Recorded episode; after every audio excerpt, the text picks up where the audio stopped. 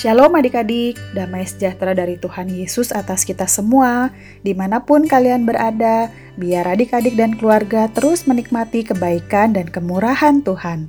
Sudah siap mendengarkan firman? Jikalau sudah, kita akan membuka terlebih dahulu di dalam doa, kita mohon pimpinan Tuhan Allah Roh Kudus. Mari kita berdoa.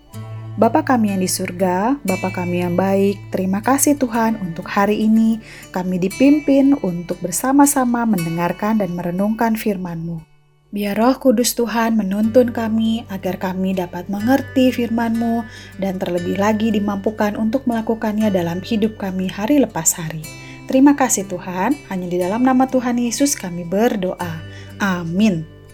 Firman Tuhan hari ini akan kita dengarkan dari kitab Perjanjian Baru, yaitu Matius 1 ayat 18 sampai 25.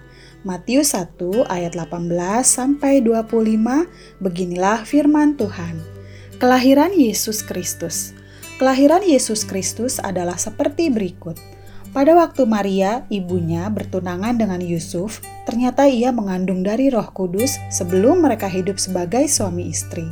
Karena Yusuf suaminya seorang yang tulus hati dan tidak mau mencemarkan nama istrinya di muka umum, ia bermaksud menceraikannya dengan diam-diam. Tetapi ketika ia mempertimbangkan maksud itu, malaikat Tuhan nampak kepadanya dalam mimpi dan berkata, "Yusuf, anak Daud, janganlah engkau takut mengambil Maria sebagai istrimu, sebab anak yang di dalam kandungannya adalah dari Roh Kudus." Ia akan melahirkan anak laki-laki dan engkau akan menamakan dia Yesus, karena dialah yang akan menyelamatkan umatnya dari dosa mereka. Hal itu terjadi supaya genaplah yang difirmankan Tuhan oleh Nabi. Sesungguhnya anak darah itu akan mengandung dan melahirkan seorang anak laki-laki, dan mereka akan menamakan dia Immanuel, yang berarti Allah menyertai kita. Sesudah Yusuf bangun dari tidurnya, Yusuf berbuat seperti yang diperintahkan malaikat Tuhan itu kepadanya. Ia mengambil Maria sebagai istrinya, tetapi tidak bersetubuh dengan dia sampai ia melahirkan anaknya laki-laki, dan Yusuf menamakan dia Yesus. Nats emas yang akan kita dengarkan dari Yesaya 9 ayat 5. Beginilah firman Tuhan. Sebab seorang anak telah lahir untuk kita, seorang putra telah diberikan untuk kita lambang pemerintahan ada di atas bahunya, dan namanya disebutkan orang penasehat ajaib, Allah yang perkasa, Bapa yang kekal, Raja damai. Hadiah terbaik Maria dan Yusuf menerima hadiah terbaik dari Tuhan dengan sukacita.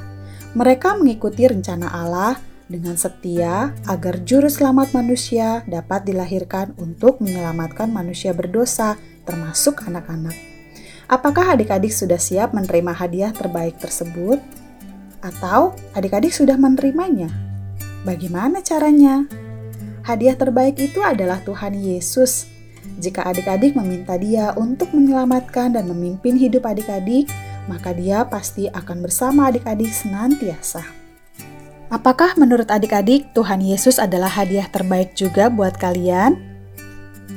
Jikalau iya, yuk kita sama-sama katakan, Tuhan Yesus hadiah terbaikku. Sekali lagi dengan penuh semangat. Tuhan Yesus hadiah terbaikku.